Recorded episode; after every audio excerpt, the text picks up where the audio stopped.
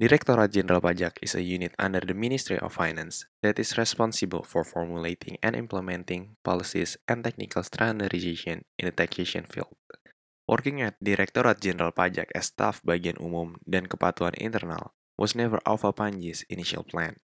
He was graduated from the Polytechnic Keuangan Negara STAN with taxation as his major.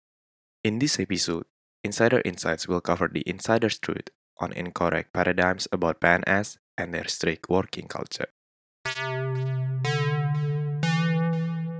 Insider Insights. Stop working, inspire now. Hari ini kita bakal berganti pendidikan, institusi, institusi pendidikan. Dari kemarin kita FEB UGM, terus sekarang ada institusi pendidikan unik baru dari STAN. Halo, Alfa. Halo Mas Kenji. Jadi Alfa ini di DJP, Direktorat Jenderal Pajak di Jakarta. Bener kan Pak? Betul, betul, betul. Boleh cerita sedikit Pak tentang Direktorat DJP ini, uh, pajak ini. Apakah mereka tuh ngapain sih? Uh, Direktur Jenderal Pajak tuh ya seperti seperti namanya lah ya. Uh, Direktur Jenderal Pajak itu di eselon 1 langsung di bawah Kementerian Keuangan yang tugas saya sudah jelas jelas dari namanya Direktorat Jenderal Pajak. ya, inti inti utama kerjanya adalah mencari potensi untuk mendapatkan pajak sebanyak-banyaknya. Karena kalau bisa kita tahu juga, pajak itu menjadi penghasilan terbesar negara. Kebetulan saat ini itu sekitar 80 persen ya. Kalau nggak salah ya, kalau nggak kalau kurang kurang lebih 80 persen lah itu pendapatan negara dari pajak. Sisanya baru dari lain. Kayak gitu sih. Berarti ini masuk ke debt collector yang nagihin pajak tuh juga di sini? Debt ya, jangan bilang debt collector ya. Oh kan debt collector, apa tuh? Ya enggak lah. Lebih ke menggali potensi aja. Itu kan sebenarnya kan kalau pajak itu kan kewajiban setiap orang kalau udah punya penghasilan ya, kalau udah punya penghasilan ya sepatutnya sebaiknya ya itu ikut bayar pajak kan uh, fasilitas-fasilitas negara ini kan ya semuanya rata-rata uangnya dari pajak jadi orang yang ngasih pajak ya dari dia duitnya ya fasilitas yang dapat untuk dia juga kayak gitu sih. Kalau orang-orangnya yang di dalam kantor itu ya lebih eh, apa ya mengingatkan membuat apa ya ya intinya me, membuat kak membuat pemahaman masyarakat tuh kalau bisa ya ikutlah bayar pajak gitu, biar berkontribusi buat negara. Ya tidak ditagih juga bukan nggak kayak debt collector ya Oke oke ya oke ya mungkin ya, image benar. image sih kayak gitu ya mungkin image sih kayak gitu tapi ya nggak saya nggak kayak gitu lah Oke oke oke. Jadi se- memang semua orang kewajibannya bayar pajak untuk negara ya, untuk Indonesia maju ya. Ya, kalau sudah kalau sudah punya penghasilan Oh iya kalau sudah punya penghasilan. Terus Pak, ini Iya. eh, Nah. posisi lo di DJP ini di pajak ini apa sih? ya nah, kalau sih kebetulan nih sebelumnya kemarin gue penempatan pertama itu di kantor pajak Setiabudi satu sebelumnya. Nah Hmm. eh, dulu kalau posisi gue itu kebetulan memang di umum kebetulan memang gue masuk dan ditempatkan itu tidak belum terjun langsung ke bagian untuk teknis perpajakannya ya. Gitu. Kebetulan di posisi gue itu apa ya bisa dibilang justru yang mengurusi dalamnya internalnya ya. Jadi ngurusin pegawainya ya terkait ya segala macam banyak ya terkait kepegawaiannya terkait gaji tunjangan dan lain-lainnya seperti kayak gitulah pokoknya. Nah kebetulan baru banget pindah nih buat mutasi ke pusat pengolahan data dan dokumen perpajakan. Nah jadi semua data-data dokumen perpajakan kayak SPT ya kayak gitu gitu lah ya pokoknya datanya itu semua muaranya itu ke kantor gue yang baru ini di pusat pengolahan data dan dokumen perpajakan. Nah, kebetulan mutasi ke sini. Ya nggak tahu kenapa ya mungkin gue nggak bisa lepas dari yang namanya ngurusin pegawai ya lagi-lagi ditempatinnya di bagian umum lagi namanya gitu. Tapi sekarang job desk-nya agak beda lah ya terkait apa ya ya baik pencairan tagihan kayak gitu gitu karena kan. Di pajak sendiri kan tidak sem- tidak muluk-muluk semuanya tentang nagih pajak nagih pajak gitu. Tapi di balik itu semua ya banyak lah pekerjaan lain terkait ya dari ngurusin pegawainya. Dan kita kan juga pasti namanya negara lah ya pasti tahu juga banyak pengadaan banyak banyak ya pokoknya banyak banyak hal yang harus diurusi lah untuk menunjang pekerjaan ya, kayak gitu ya kebetulan di situ lagi dah. Tapi Pak, kan lo juga termasuk generasi milenial ya Pak. Umur Ya. kita ya sama lah, kurang ya cuma beda satu tahun. Tapi kenapa lu sendiri ngambil jadi PNS bukan kerja di swasta kayak beberapa orang atau tamu-tamu gue sebelumnya mereka uh, dari swasta gitu ya, so, uh, gitu-gitu. Kenapa lu ngambil di PNS? Sebenarnya bisa dibilang awalnya ya, kalau bisa dibilang awalnya, awalnya coba-coba. Jadi hmm. waktu 2000 berapa ya, kita lulus itu 2015 ya kalau nggak salah. Nah itu kan udah sempat kuliah di tempat lain. Nah kebetulan kan ada pembukaan PKN instan ini kan. Nah, ya sebenarnya sih awalnya memang coba-coba ya awalnya. Karena ya sebenarnya awalnya tidak nggak ada kepikiran karena latar belakang keluarga gue pun sama sekali nggak ada yang PNS. Dari bokap, nyokap, semua kakak nggak ada yang PNS. Cuma kebetulan nyoba waktu itu dan alhamdulillah sih masuk, alhamdulillah keterima. Dan setelah ngejalanin kuliahnya dan tahu pekerjaannya sih, ya menurut gue nggak ada salahnya ya jadi PNS dan PNS khususnya di Direktorat Jenderal Pajak ya.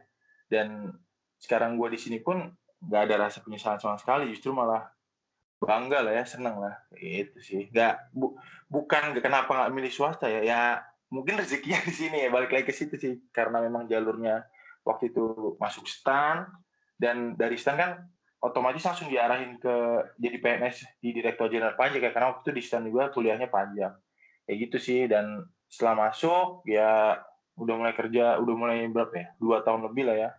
Ya enjoy sih. Jadi di DJP ini udah dua tahun lebih ya Iya dua tahun lebih lah. Tapi ada rasa ini nggak pak? Kayak pingin keluar dari BUMN gitu setelah udah masuk ke BUMN ini. Bukan BUMN ya. Oh bukan BUMN ya? Pajak ini. Masuknya ya, apa? Pajak. Pajak ini lembaga negara jatuhnya dia bukan BUMN oh gitu.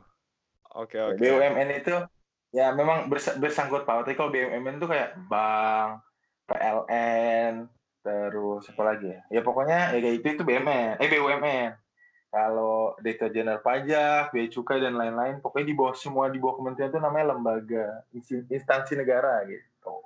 Tapi itu Pak, ada nggak ada nggak rasa pingin keluar dari lembaga negara, pingin ke swasta ke atau malah pingin ke BUMN jadinya? Uh, so far sih belum lah ya. Ya mungkin namanya siap kerja, kalau nggak ada masalah namanya nggak kerja santai ya.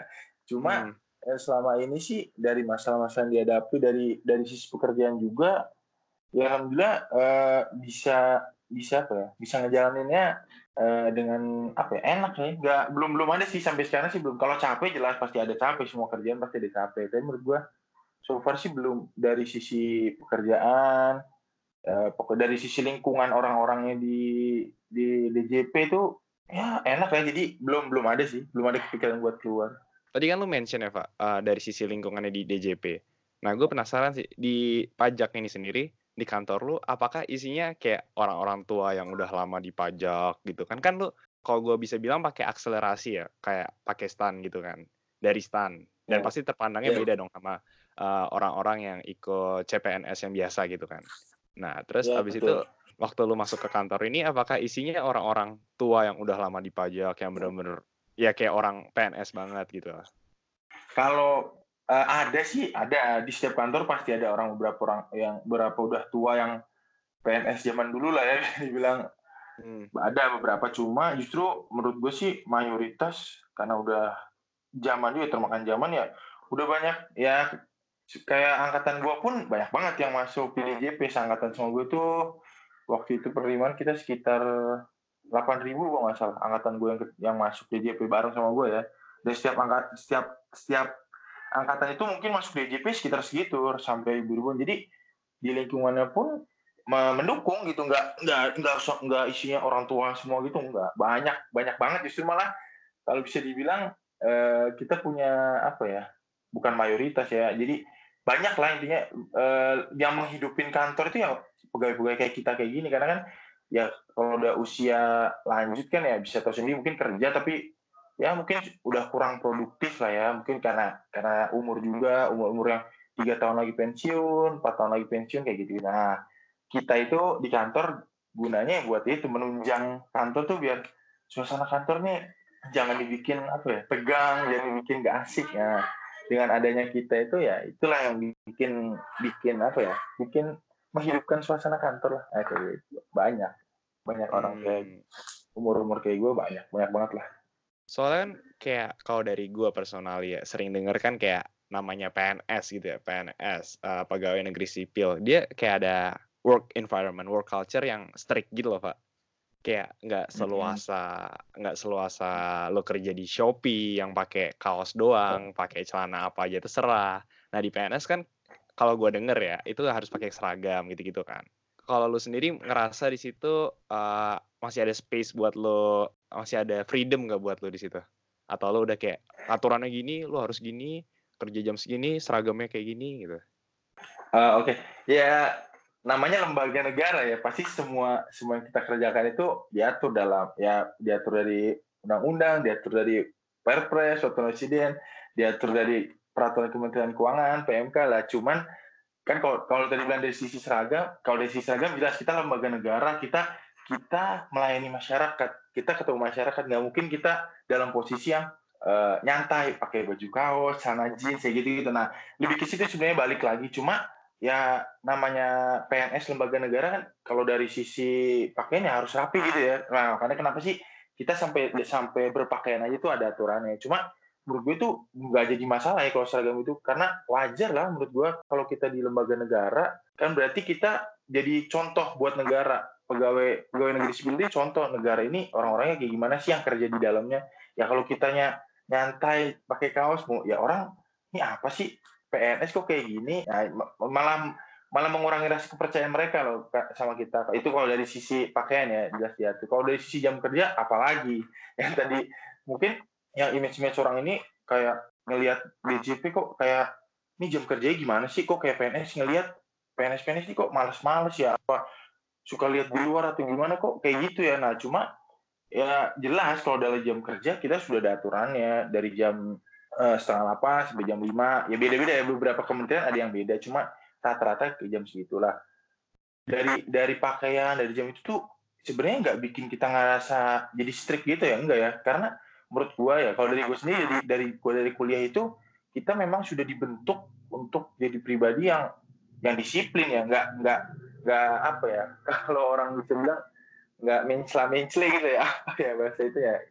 Uh, kayak gitu loh. Hmm. jadi memang kita dari kuliah pun sudah dibentuk buat lu ya, bahkan jadi ASN gitu aparatur sipil negara jadi PNS lu nggak boleh yang kelihatan leto-leto nggak boleh yang nggak rapi ya kayak gitu aja sih. Cuma kalau dari lu bilang tadi freedom cuma hmm. kalau dari sisi ya dari sisi untuk gue sendiri ya kebetulan ya kalau ya. untuk ya. mengeksplor mengeksplor apa ya hobi kita atau kita punya kelebihan apa sih gitu loh ya kayak misalnya kita punya kelebihan desain atau kita punya kelebihan fotografi wah di DJP tuh banyak banget wadahnya ya. Kebetulan untuk khususnya DJP ya, karena gue karena yang gue rasain ada komunitasnya, ada jadi kita bukan yang strict untuk kerja, ngurusin negara, cari pajak, ya ya memang itu jelas kewajiban. Nah, tapi di samping itu banyak juga kok komunitas-komunitas yang menurut gue ya asik bisa diikutin ya. Kayak gue sekarang ikut namanya Belasting Dragon itu tim tim basket DJP ya kayak gitu.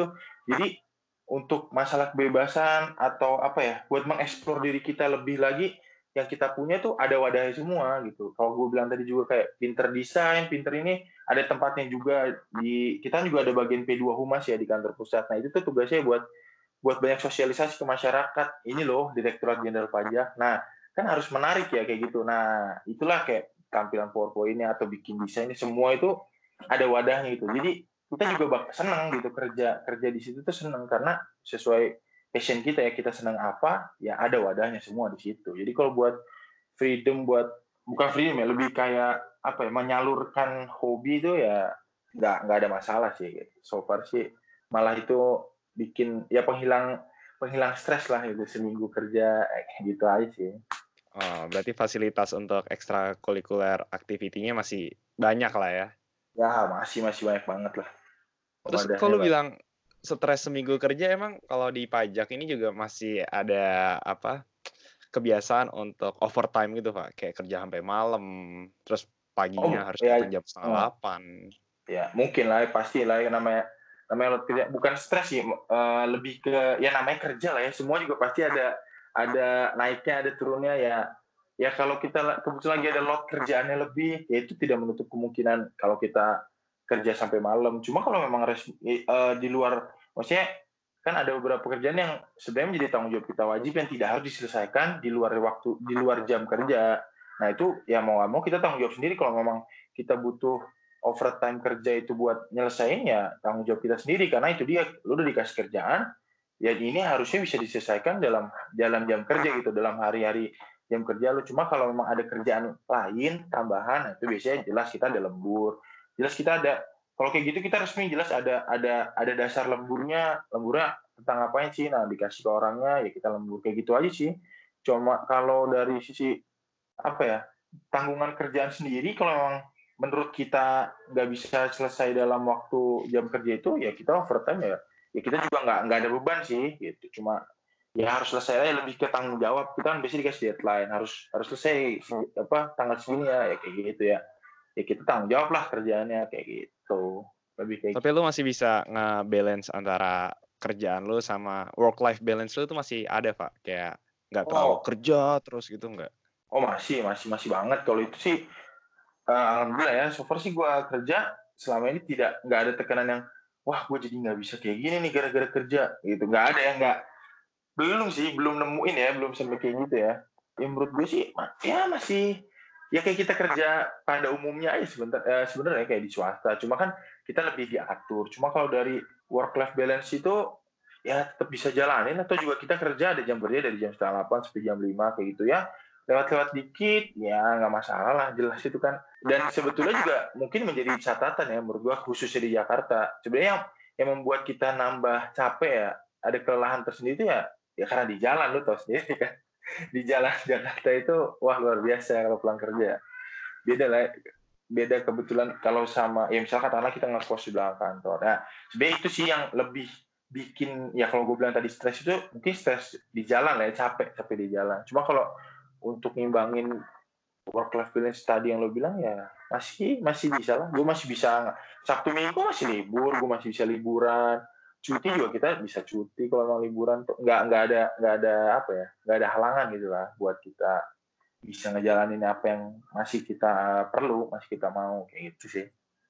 Iya tapi soalnya selain itu gue juga ngelihat uh, eh, PNS ini sering di gue tahu sih gue cuma denger denger kayak kalau lo jadi PNS pensiun lu bakal aman sih tentram jadi lu bakal enak gitu jadi lu jadi PNS aja itu tuh gimana sih pak maksudnya pensiun aman tuh gimana gitu Nggak, gini-gini. Uh, apa ya, mungkin orang luar melihatnya, ya memang kalau image PNS, ya lu kerja sampai sampai pensiun dan pensiun. Nah, orang bilang, lu sampai pensiun, tenang aja. lah. mau lebih ke ini sih, mungkin dari, kalau kita, memang kalau ini khususnya PNS ya, mungkin sudah banyak yang tahu juga ya, kalau kita, bahkan nggak cuma nggak cuma PNS, TNI, Polri pun kalau jadi pensiunan kan tetap ada penghasilan, tapi jauh jauh dari standar waktu ketika dia masih kerja jauh cuma memang masih ada penghasilan kayak gitu sih.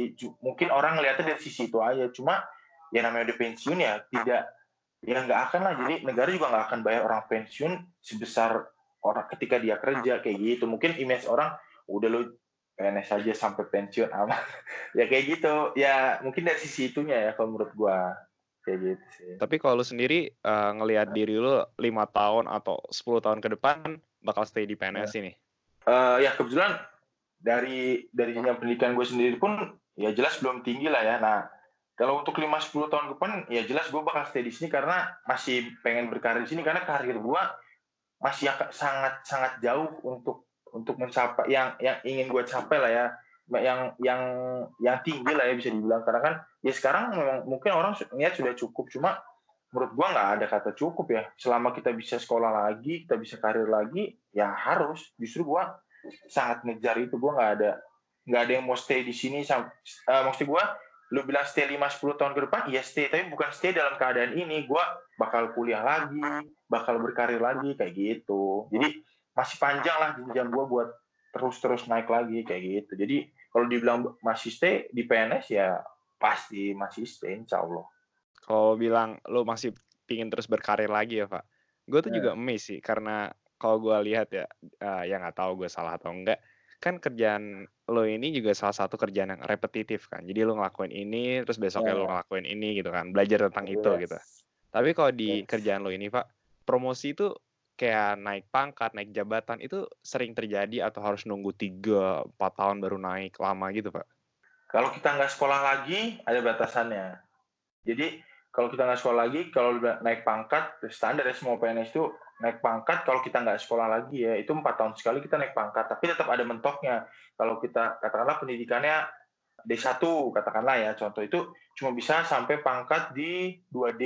Kan urutannya kan kalau kita masuk awal tuh 2A, 2A, 2B, 2C, 2D. Nah, kalau kita pendidikan katakan cuma sampai D1, tapi cuma ngarepin nunggu udahlah naik pangkat naik pangkat ngikutin tahun. Nah itu bisa cuma ada mentoknya. Nah gimana sih cara biar nggak mentok? Yaitu kita kuliah lagi. Kita kuliah dapat gelar D3 bisa naik lagi pangkatnya.